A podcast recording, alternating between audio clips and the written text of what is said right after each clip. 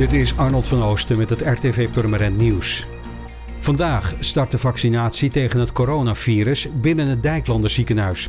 Om 10 uur wordt op de locatie in Purmerend de eerste vaccinatie gezet. Het Dijklander ziekenhuis heeft gisteren vaccins binnengekregen voor het bereiden van 440 vaccins tegen het coronavirus.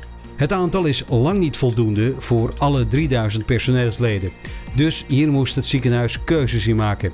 Met deze vaccins wordt een deel van het personeel op de intensive care, spoedeisende hulp en de COVID-afdeling gevaccineerd. In het Dijklander ziekenhuis liggen momenteel 53 patiënten die behandeld worden voor coronaklachten.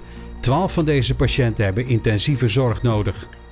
Alle sporters met een verstandelijke of lichamelijke beperking die sporten bij een reguliere Purmerendse vereniging krijgen tijdens een alternatieve nieuwjaarsreceptie op 9 januari een hart onder de riem attentie. Het initiatief komt uit de koker van de Special Forces Teams en bestuur van voetbalvereniging De Werenvogels. Zaterdagochtend kan men tussen half elf en 1 uur coronaproef de nieuwjaarsattentie ophalen in een speciaal voor dit doel geprepareerde drive-in voor auto's en fietsen. Deze week zal er weer afscheid worden genomen van de kerstboom.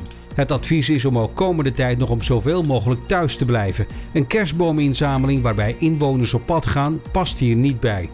De gemeente komt daarom kerstbomen in de stad ophalen. Voor elke wijk zijn hier twee vaste dagen voor gepland.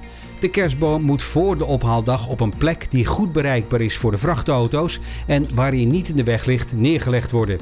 De gemeente komt morgen langs in de Weidevenne en de Hazepolder. Voor meer nieuws, kijk of luister je natuurlijk naar RTV Permanent, volg je onze socials of ga je naar rtvpermanent.nl.